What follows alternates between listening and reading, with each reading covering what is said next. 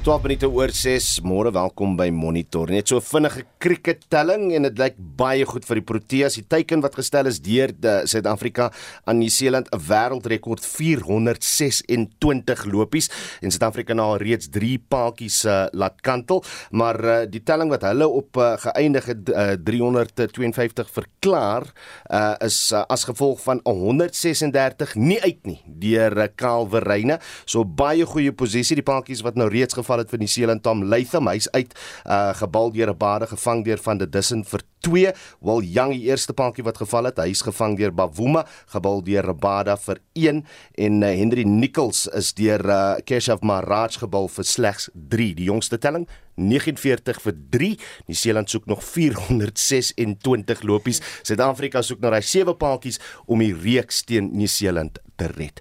Nou vir 'n nuusoorsig en Zelensky nie optimisties oor gesprekke met Rusland, so lei een van die ops, uh, opskrifte vanoggend op netwerk 24 se nuuswebblad. Uh, Joan Marie sit gereed. Môre. Ja, Oekraïne en Rusland tree na verwagting vandag in gesprek met mekaar oor die krisis in Oekraïne. Reuters berig dat president Vladimir Putin intussen sy militêre bevelstruktuur wat eenhede met kernwapens insluit op 'n hoë gereedheidsvlak geplaas het weens wat hy as uitdagende verklaringe deur NAVO-lande verklaar. Op eie bodem is die minister van internasionale betrekkinge, Naledi Pandor in die sop, dis weens 'n verklaring waarin sy namens president Cyril Ramaphosa Rusland se inval van Oekraïne veroordeel. Leidensberigte het Ramaphosa aangedui dat Suid-Afrika neutraal sal bly in die saak. In ander nuus berig Volksblad die burger en beeld vanoggend Cele sê hy sal gaan as hy moet. Die minister van polisie Bekkie Cele se uitdagings volg nadat president Ramaphosa die nasionale polisiekommissaris Ketla Setole se dienskontrak beëindig het. Setole en Cele is in afgelope paar maande in 'n twis gewikkel oor wie verantwoordelikheid moet neem vir verlede jaar se onluste in Julie. The Witness KwaZulu-Natal berig intussen SA Public Don't Trust Police. Die berig handel oor 'n toename in boendogeregtigheid en 'n afname in die rapportering van misdaad by die polisie weens 'n vertrouensbreuk tussen Suid-Afrikaners en die polisie.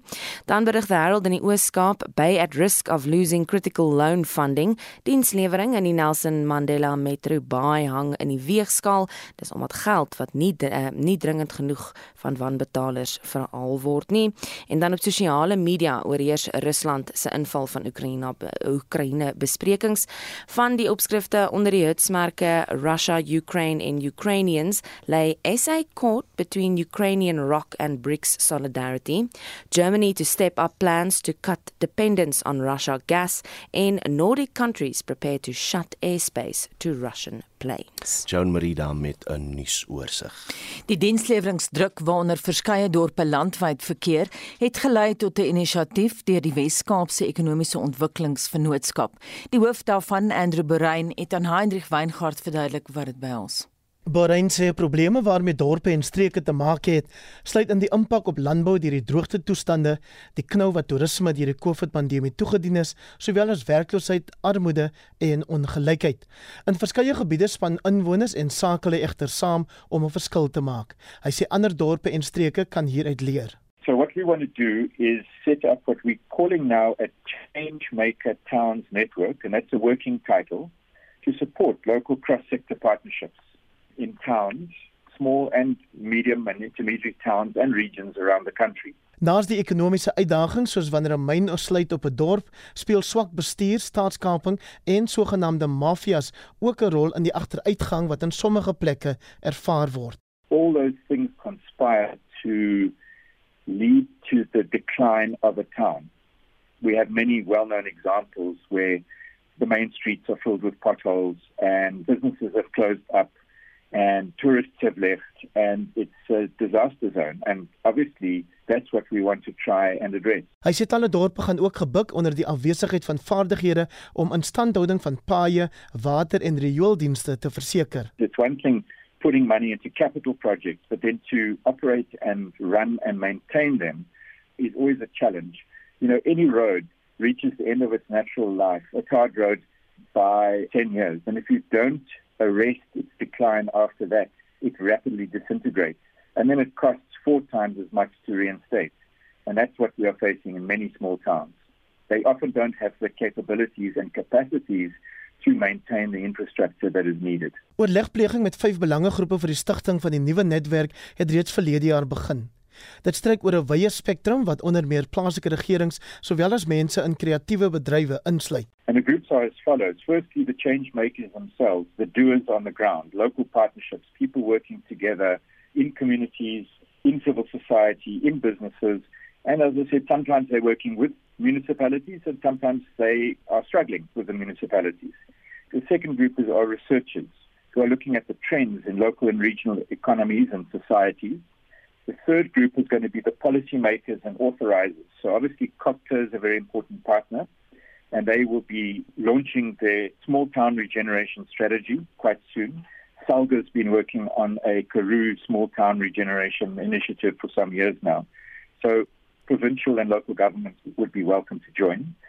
For the fourth group of stakeholders are going to be support organizations, the non-profit organizations, the donors, the foundations that are already in the field supporting local initiatives. And then the fifth group are the inspirers, the storytellers, the artists, the conveners, the journalists, the creators, the innovators who can help us spread where things are going right on the ground, where people are doing great things. Borein sê die dorpe netwerk vir verandering sal begin met die uitruil van suksesverhale en uitdagings sodat niemand in isolasie hoef te werk nie. Hierin speel Rolf Meyer se intransformasie inisiatief saam met die ekonomiese ontwikkelingsvennootskap 'n bepalende rol. Secondly, we would like to try and connect the, what we call the top-down authorizing environment of government to the bottom-up mobilizing environment of civil society and local businesses. Thirdly, we'd like to help local initiatives see the big picture and connect the researchers to action on the ground. And then fourthly, to help with partnering frameworks, because that's what we do as the EDP. In other words, how do people work together in practice? Because they don't always know how to do that successfully. Dit was Andrew Borein, uitvoerende hoof van die Wes-Kaapse Ekonomiese Ontwikkelingsvennootskap. Hy sê die nuwe netwerk vir die verbetering van dorpe word komende Woensdag amptelik bekendgestel en sal hoofsaaklik aanlyn funksioneer. Hendrik Weingart vir SAK nuus. 'n Brandstofskok wag op Suid-Afrikaners. Die prys van petrol styg styg oor môre met 'n massiewe R1.46 per liter terwyl die dieselprys skerp met onderskeidelik R1.44 en R1.48 styg afhangend van die swaal inhoud. Ons praat nou met 'n senior beleggingsekonoom by PSG, Dawie Klopper. Dawie, môre welkom hier by Monitor. Wat is die hoofrede vir die stygings? Môre Udo Udo. Ja, die hoofrede vir die stygings is natuurlik die feit dat die olieprys oor die afgelope maand of wat en selfs so klein bietjie langer is dit skerp gestyg het die afgelope gestyg het en daarmee saam was die rand het die rand ook 'n rol gespeel, maar dit is veral die olieprys wat 'n groot faktor op hierdie stadium is. Daar was dit die hoogste prys wat ons nog ooit vir brandstof in Suid-Afrika betaal het. Ja, dis by verre die hoogste prys. Um, ons het in 2008 en in 2014 ook gesien dat die randprys van olie um, skerp gestyg het, maar toe was belastings en heffings wat binne in die olieprys ag binne in die brandstofprys heers aansienlik laer as nou en as gevolg van hierdie kombinasie 'n skerp stygings in die randprys van olie en 'n klomp heffings wat oor die afgelope jare gestyg het, het nou die brandstofprys na hierdie nuwe rekordvlakke toe opgestoot. Daar wie jy praat dan van die heffings, dankie Vader, daar's nou nie hierdie jaar enige bykomende heffings nie, maar hoe gaan dit die verbruiker uh, uh, uh, op die einde van die dag raak? Ja, dit gaan die verbruiker baie negatief raak. Meen in alle opsigte is dit negatief. Ehm daar's minder geld in die verbruiker se sak. Ehm um, sy vervoerkoste gaan duurder word. Ehm um, pryse in die algemeen is geneig om te styg wanneer die brandstofprys styg. So in in alle opsigte is daar nik geen goeie nuus vir die verbruiker in hierdie ding nie. En ehm um, gaan die verbruiker slegter daarin toe wees. Dawie, die oorlog in Oekraïne, dit gaan sekerlik die prys verder opjaag, die prys nou van ruolie. Ja, inderdaad. Ons het sien vanoggend al reeds weer dat die olie Brent oliepryse dan weer gestyg.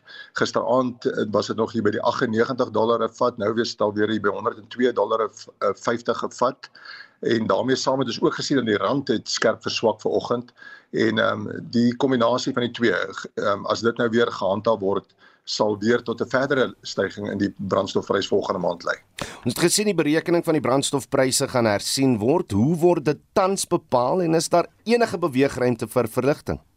Ja, dis 'n interessante vraag. Ehm um, die groot die, die twee hooffaktore daarso is natuurlik die olieprys en natuurlik die rand dollar wisselkoers wat 'n rol speel. Daar kan ons niks aan doen nie.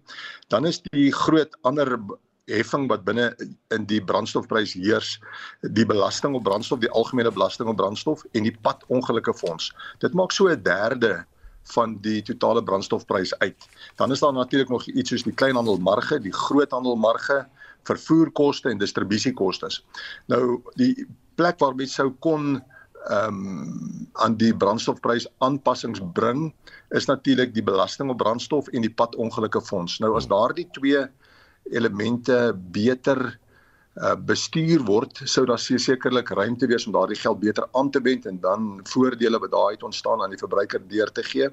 Maar mense moet ook dink ek net die vraag vra as, as ons hieroor begine dink die belasting as dit nie hier gehef word nie, waar gaan dit dan gehef word? Wie hmm. gaan dit dan betaal want die geld is nodig um, vir die staat. Ons sal graag wil hê dit moet dit moet beter aangewend word, maar die geld moet van elders af kom moet dit dan van die individuele belastingbetaler kom wat al reeds oorbelas is, moet maatskappye dan meer belasting betaal of moet BTW verhoog word. Hierdie is in dan nou 'n indirekte belasting en ek sou 'n voordeel weer 'n voor, voorstander wees van indirekte belastings eerder as direkte belastings. Ek wil nou juist vir jou vra, wat sou jy vir die regering sê? Wat sou jou raad dan wees? My raad sou wees is ons moet baie duidelik die bes, die aanwending van geld in Suid-Afrika, die inkombelasting inkomste wat die staat ontvang, baie baie beter bestuur. Ek dink ons almal is frustreerd daaroor dat ons sien hoe word die geld gemors, hoe word dit hoe verdwyn dit in korrupsiepotte ensovoorts. So dit ehm um, my raad sou wees dat ehm um, hou hierdie heffingsinstansies wat dit nou is, wend die geld beter aan en dan as ons nog verder kan 'n persoonlike belastingverligting kry, sal dit goed wees. En natuurlik as die maatskappybelasting wat al reeds aangekondig is om af te kom, nog verder kan daal, sal dit in die algemeen positief wees vir Suid-Afrika en sal ekonomiese groei in die land ehm um, daardeur ondersteun kan word. Davie Klopper is 'n senior ekonom by PSG. En vir luisteraars wat die slegte nuus gemis het, die prys van petrol styg oor môre met massiewe R1.46 'n liter en ons luisteraars vraag is ver oggend hierop geskoei Jo Marie. Ja, ons wil by jou weet, hoe gaan die brandstofverhogings jou sak en begroting raak en gaan jy alternatiewe vervoerplanne maak? Van julle deel reeds julle mening met ons, soos Alex hy skryf op Facebook. Ongelukkig is dit nie net petrol wat gaan styg nie. Alles gaan op of jy nou minder gaan ry of nie, iewers anders sal jou sak geruk word. Wanneer gaan dit eindig? Elektrisiteit gaan ook binnekort styg. Hoe gaan ons dit oorleef? Bet skryf ons sal minder ry en ons ritte baie noukeurig beplan en natuurlik fyn begroot want alles word duurder. Nou jy kan soos Alex Bets en 'n rits ander mense wat ook reeds saampraat vir ons jou mening uh, stuur. uh, SMS kos jou R1.50 die nommer daar 45889. Jy kan ons 'n WhatsApp stemnota stuur en dan 0765366961 en dan kan jy ook 'n inskrywing op die Monitor en Spectrum uh, Facebookblad gaan maak. Dankie baie dankie Joni. Nog so 'n uur van cricket oor op dag 4 is die laaste sessie Suid-Afrikaane baie goeie posisie nadat hulle vir 354 vir 9 verklaar het vanoggend en uh dis as gevolg van 'n 136 onoorwonde lopies wat deur Calvin Reyne aangeteken het sy eerste toets 100tal. Nieu-Seeland nou 60 vir 3, die teiken 400 426 lopies. So die agterstand daar nog 366. Jamie, hoe lyk jou terugvoer? En Kilian skryf op Facebook die regeringsamptenare het ons reserve brandstof verloor in aanhalingstekens. Belastinggeld word vir eie gewin aangewend. Dit wat oorbly verdwyn of word vrylik gebruik om luksehede te koop. Brandstofpryse styg ten koste van almal wat hul eie bestaan bedryf en die wat kos aan landsgenote verskaf moet op alle kante die spit afbyt. Dit gaan die land en sy mense net verder grond toe druk, skryf Ann. Engela sê dit gaan elke motoreienaar se sak ernstig ruk. Minder ry na en van werk sal nie werk nie. Werk toe moet ons gaan. Raak net bekommerd oor die jong mense se toekoms. Sal hulle nog kan voertuie koop met die hoë brandstofpryse? Salarisse bly dieselfde en verhogings is net 3 sent werd. Dis die mening van Engela, sy het dit op Facebook gedeel. Komi sê sal dit uh, sal wel deur dit ook kom, sal wel deur dit ook kom.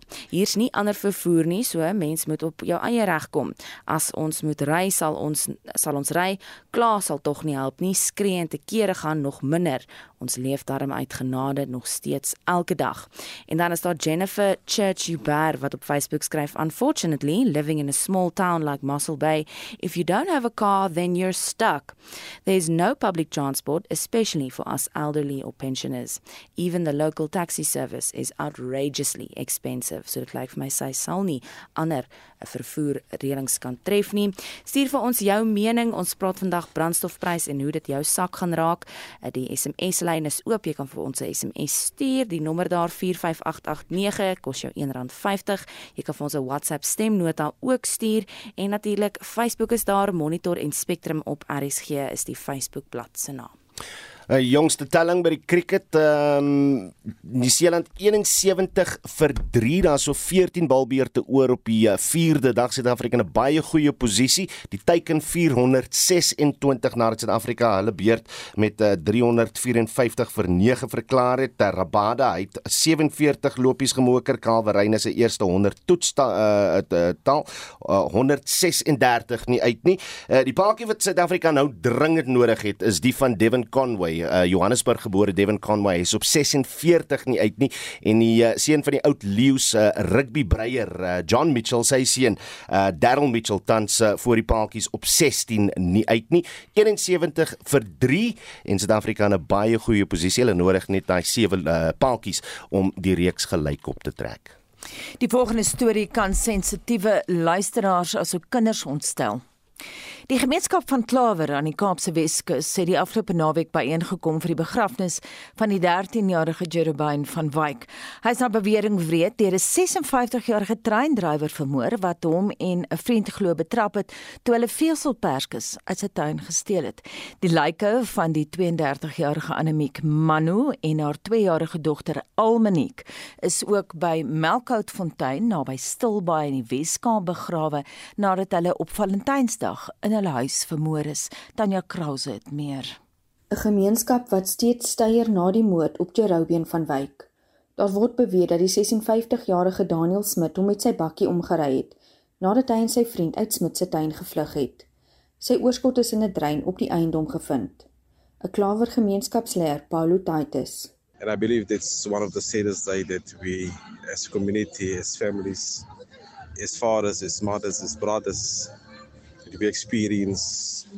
Yeah, today for us is it's not it's not a nice day, but we had to do this, and we send him off to heaven with love, with care, with dignity. Smit is in hegtenis geneem en sal weer op 26 April in die hof verskyn. Die gemeenskap van Melkoutfontein rou ook steeds na die wrede Valentynsdagmoord op Annemiek en Elmaniek Mannou na bewering deur 'n familielid. 'n Liggame is deur haar man en 9-jarige seun ontdek. Annemiek is gevind waar sy op die kombuisvloer gelê het met veelvuldige steekwonde en Almaniek is in 'n bad water gevind. Die polisie het 'n 32-jarige verdagte in hegtenis geneem. Ek is Tanya Krause op George. 21 minute voor 7. Johan du Toit het in Kiev gematrikuleer omdat hy sy het, omdat hy saam met sy sendeling ouers vir 8 jaar lank in Oekraïne gewoon het. Tans is hy in Le Havre in Frankryk waar hy 'n kapelaan by drie protestantse skole is. Hy het sy kommer en frustrasie die naweek met Anita gedeel oor die onsekerheid wat Vladimir Putin se aanval in Oekraïne meegebring het. Ek was net voor onderhoud in kontak met uh, Katja, 'n uh, goeie vriend van ons familie van jare lank al. Sy sit vas in Lviv, sy was op pad terug op die trein uh, van uh, Wes uh, Oekraïne op pad terug uh, Kiev toe. Toe hulle vir uh, almal sê uh, dit gaan te gevaarlik wees om Kiev in te gaan en toe moet sy afklim in die trein of sy sit 'n vrou alleen in Lviv, haar uh, vyf kinders is by haar ma in die woonstel uh, wanneer die bomme nie afgaan nie en uh, wanneer die bomme afgaan met die mense van Kiev skuil in die metrostasies ondergronds. En jy het ook ander vriende want jy was 8 jaar lank in Oekraïne en jou ander vriende het jy kontak met hulle Johan? Ek probeer, ek is al sedert 3 uur vanmôre wakker um, in in gebed uh, en uh, ek bel, ek skryf, uh, ek probeer nog kontak uh, kry met sekere vriende, maar twee van my vriende, 'n man en 'n vrou wat hoekal vlugtelinge is uit Donbas, het my gebel vanoggend uh, om 6:00 en uh, ek was ook bietjie uitasem want hy en sy vrou het COVID opgedoen oor die afgelope 2 dae. So Oekraïne sit met 'n uh, pandemie en 'n oorlog op die hande. Wat is die gevoel in Frankryk oor hierdie oorlog? Ons weet dat uh, die Franse president het sy uiterste bes gedoen om te kyk of hy Putin kan ooreed in die eerste plek om nie in te gaan in Oekraïne nie. En nou probeer hy steeds om hom te ooreed om uh, te onttrek. Wat sê die Franse, die gewone Franse op straat? Die gewone Franse op straat is natuurlik erge kant teen wat hulle sien as aggressie en wat hulle sien as uh, die ergste gebeurtenis sedert die Tweede Wêreldoorlog. Die ergste gebeurtenis sedert die Tweede Wêreldoorlog vir Europa. Dink hulle die oorlog gaan 'n lang een wees? Wat is die gevoel in Frankryk? Die gevoel is dat hier massiewe probleme voorlê vir die ekonomie, uh, die sanksies en dat dit kan ook groei tot 'n volskale betrokkenheid van Europa in 'n oorlog. Mense is bang daarvoor. Die probleem is 40% van ons gas Frankryk alleen kom van Rusland. 100% van Oostenryk se uh, Oostenryk se gas kom uit Rusland. Hmm. En met die sanksies met die sny van dit, uh, die die die, die petrolpryse, lewenspryse is al klaar ontsettend hoog.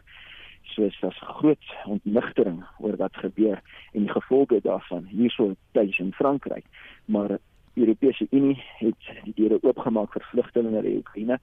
Ek self uh, werk daar met my my vriende sê vir hulle almal kom net asseblief tog hier uit.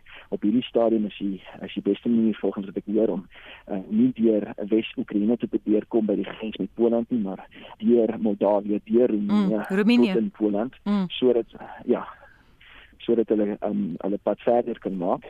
En ek sê vir hulle julle sal gehelp word sodra hulle net by die Europese Unie se grense kan kom.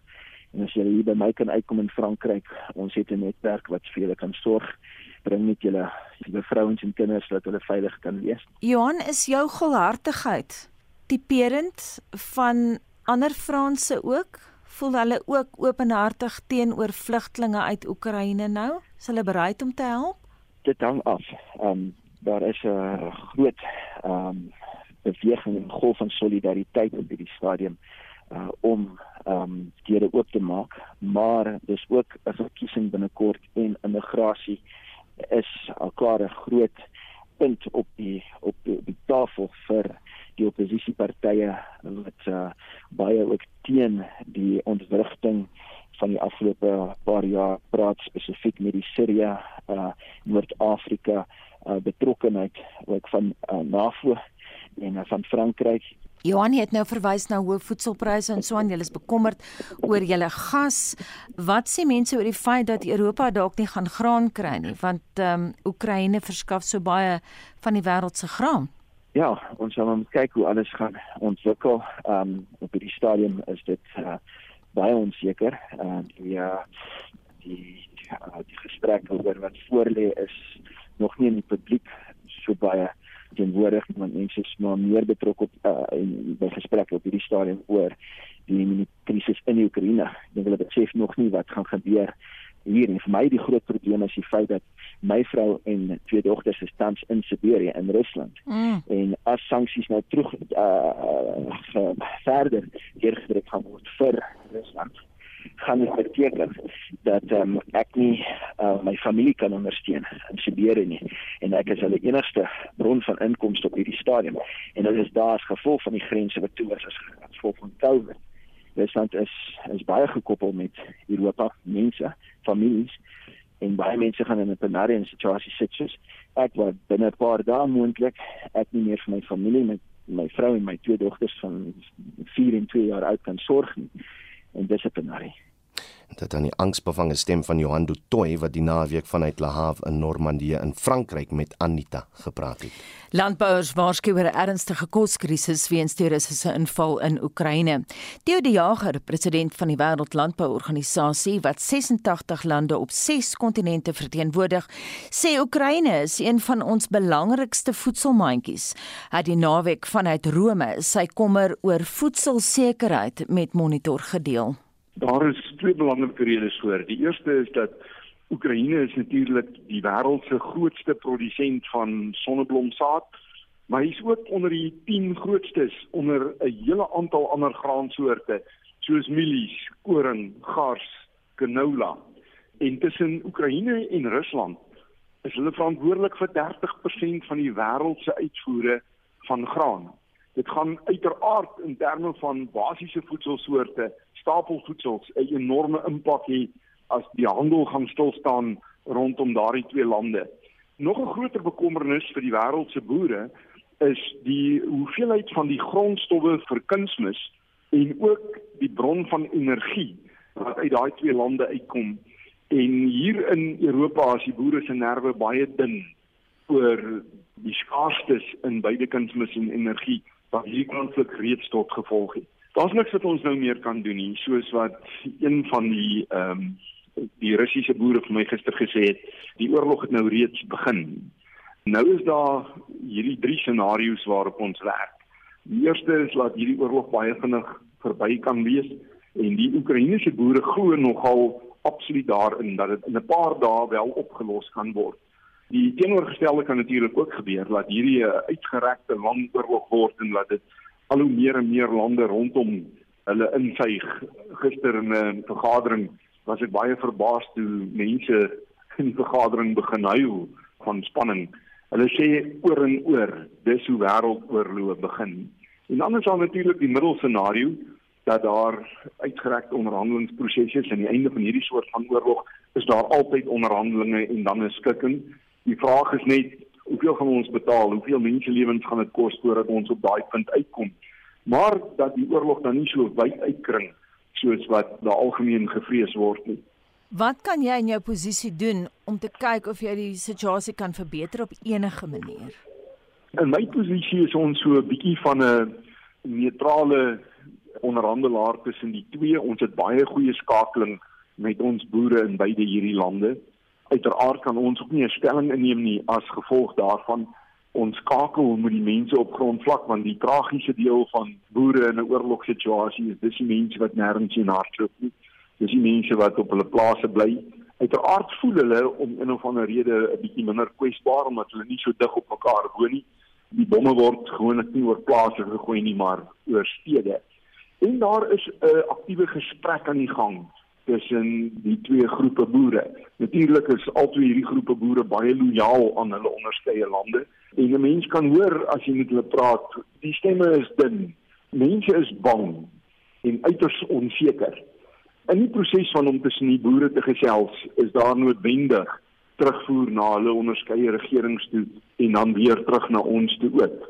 Ons kyk, wat kan ons doen om dit vir hierdie boere so maklik as moontlik te maak om aan te gaan met hulle produksieaktiwiteite in hulle plase en wat kan ons doen om hulp te gee? Ons vra byvoorbeeld oor dinge soos die beskikbaarheid van dieremedisyne.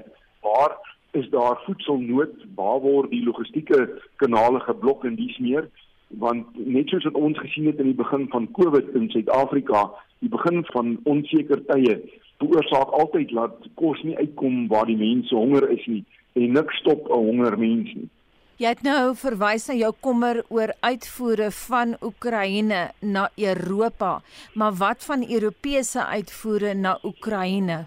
Die kanale is op die oomblik geblok. Onthou daar is nou 'n vlugteling kwessie ook. Daar's mense wat besig is om te beweeg wat probeer om die land te verlaat. So daar is verskerpte veiligheidsoptrede op die grense rondom hulle ook. Europa is uiters sensitief vir vlugtelinge en die groot vraag is wie moet hulle ontvang nie maar waar moet hulle heen gaan daarna? Wie neem uiteindelik verantwoordelikheid daarvoor? En dit het 'n implikasie op die logistieke lyne ook. Daar word heeltyd gevrees dat in 'n uitvoer van goedere noodwendig ook dan gepaard gaan met die uitgang van mense na 'n land wat heel moontlik nie gereed is om hulle te ontvang nie. En dan is daar natuurlik ook die vrees dat saam met goedere wat in en uitgevoer word, daar ook militêre toerusting is wat daarmee saam oor grense geskuif gaan word. Op hierdie stadium is daar min vertroue tussen die Europese lande en die groepering van lande wat hulle rondom Rusland skaar, byvoorbeeld Wit-Rusland. Daar selfs van ons lede in Sentraal-Europa wat nie baie simpatie het met Oekraïne nie. Uh, ou is al verbaas as jy luister na die inhoud van die debatte hier rondom. En dis baie tipies soos wat dit gegaan het in die begin van die vorige twee wêreldoorloë. Nie dat ek daarmee sê dat hierdie iets soortgelyk is nie. Ons in die wêreldlandeorganisasie en veral as gevolg van die gesprekke met boere aan albei kante van hierdie konflik is nogal redelik positief dat baie vroeë skikking moontlik is in hierdie konflik. Alles hang af, sê die boere vir ons, alles hang af van die diepte van leierskap onder die besluitnemers. Ek wil terugkom na wat ek nou nog gevra het. Ek dink jy het my misverstaan. Wat voer Europa uit na Oekraïne? Wat gaan hulle nou nie kan kry nie?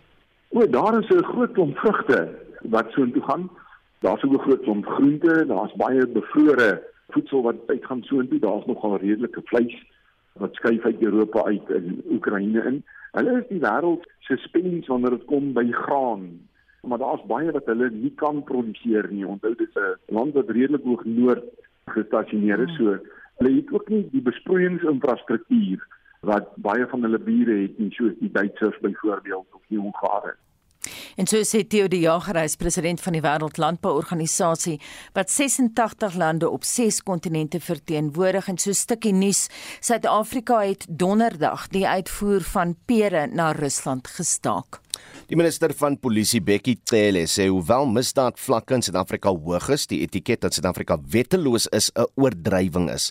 Hy sê die werwing van 12000 jong mense sal die polisie help om misdaad te bestry en wet en orde te herstel.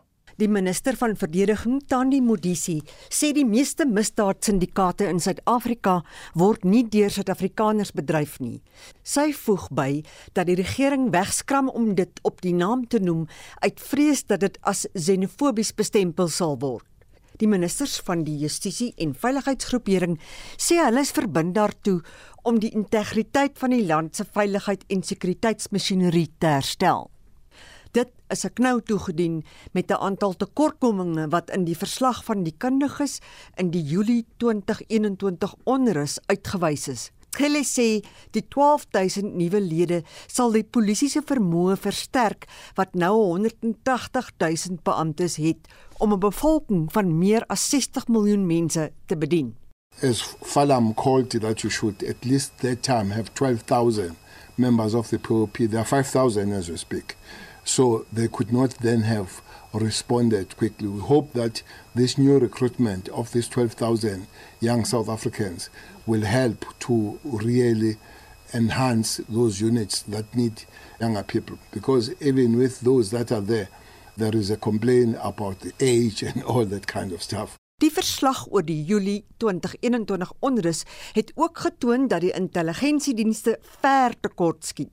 Die minister van verdediging Tandi Modisi het beklemtoon dat die ministers in die justisiegroepering die vermoë van die intelligensiedienste om stabiliteit in die land te monitor gaan ondersoek. A forensic investigation was initiated and a forensic investigations firm has been appointed to conduct an investigation into all malfeasance in the agency. The agency has recently dismissed about 4 members who have already been found guilty of fraud and corruption. Modisi sê die weermag werf sowat 2000 jong mense wat in die tweede week van Maart met hulle basiese opleiding sal begin. Volgens haar sal korrupsie in die weermag nie geduld word nie. Dit volg nadat dit bekend geword het dat 'n weermagslid na bewering deel was van 'n bende wat verlede week betrokke was in 'n skietvoorval in Rosettenville. Sy sê sy wag vir die verslag van die voorval. It is not just the behavior of the individual, we are also looking section by section what is ailing us, what systems are making it easy for corruption or malfeasance to take place within the department, and we will be dealing with it.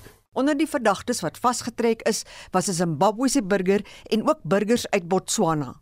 Modisi het die vraag of die feit dat die polisie die nasionaliteit van die misdadigers noem nie xenofobies is nie, baie spesifiek beantwoord. Sometimes we are too shy to say to people who cross the borders legally and illegally, who reside amongst us, who do not respect our laws, traditions, and cultures, that we are fed up. That does not turn us into people who are, uh, what is this, xenophobic.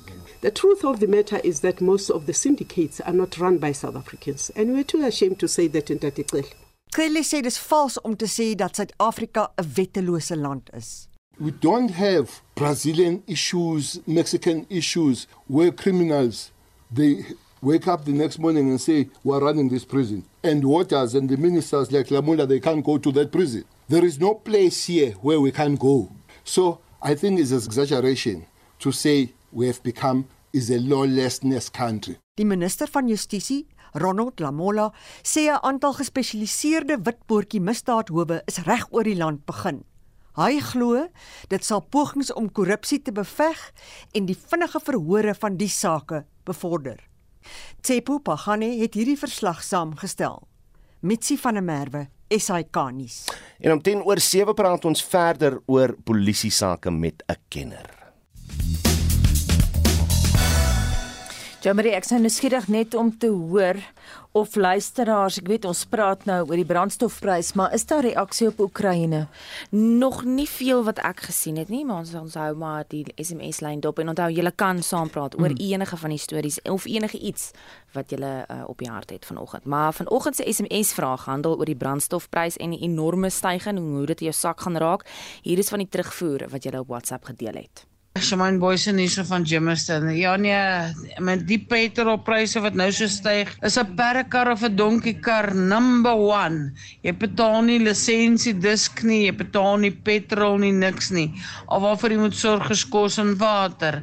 Nee, wat ek verkies eerder maar 'n donkiekar. Hoera vir die perkar en hoera vir die donkiekar. Lekker dag verder. Goeiemôre. Ehm um, ek is in 'n bevoordeelde posisie waar net 'n parkie my van my werkplek skei.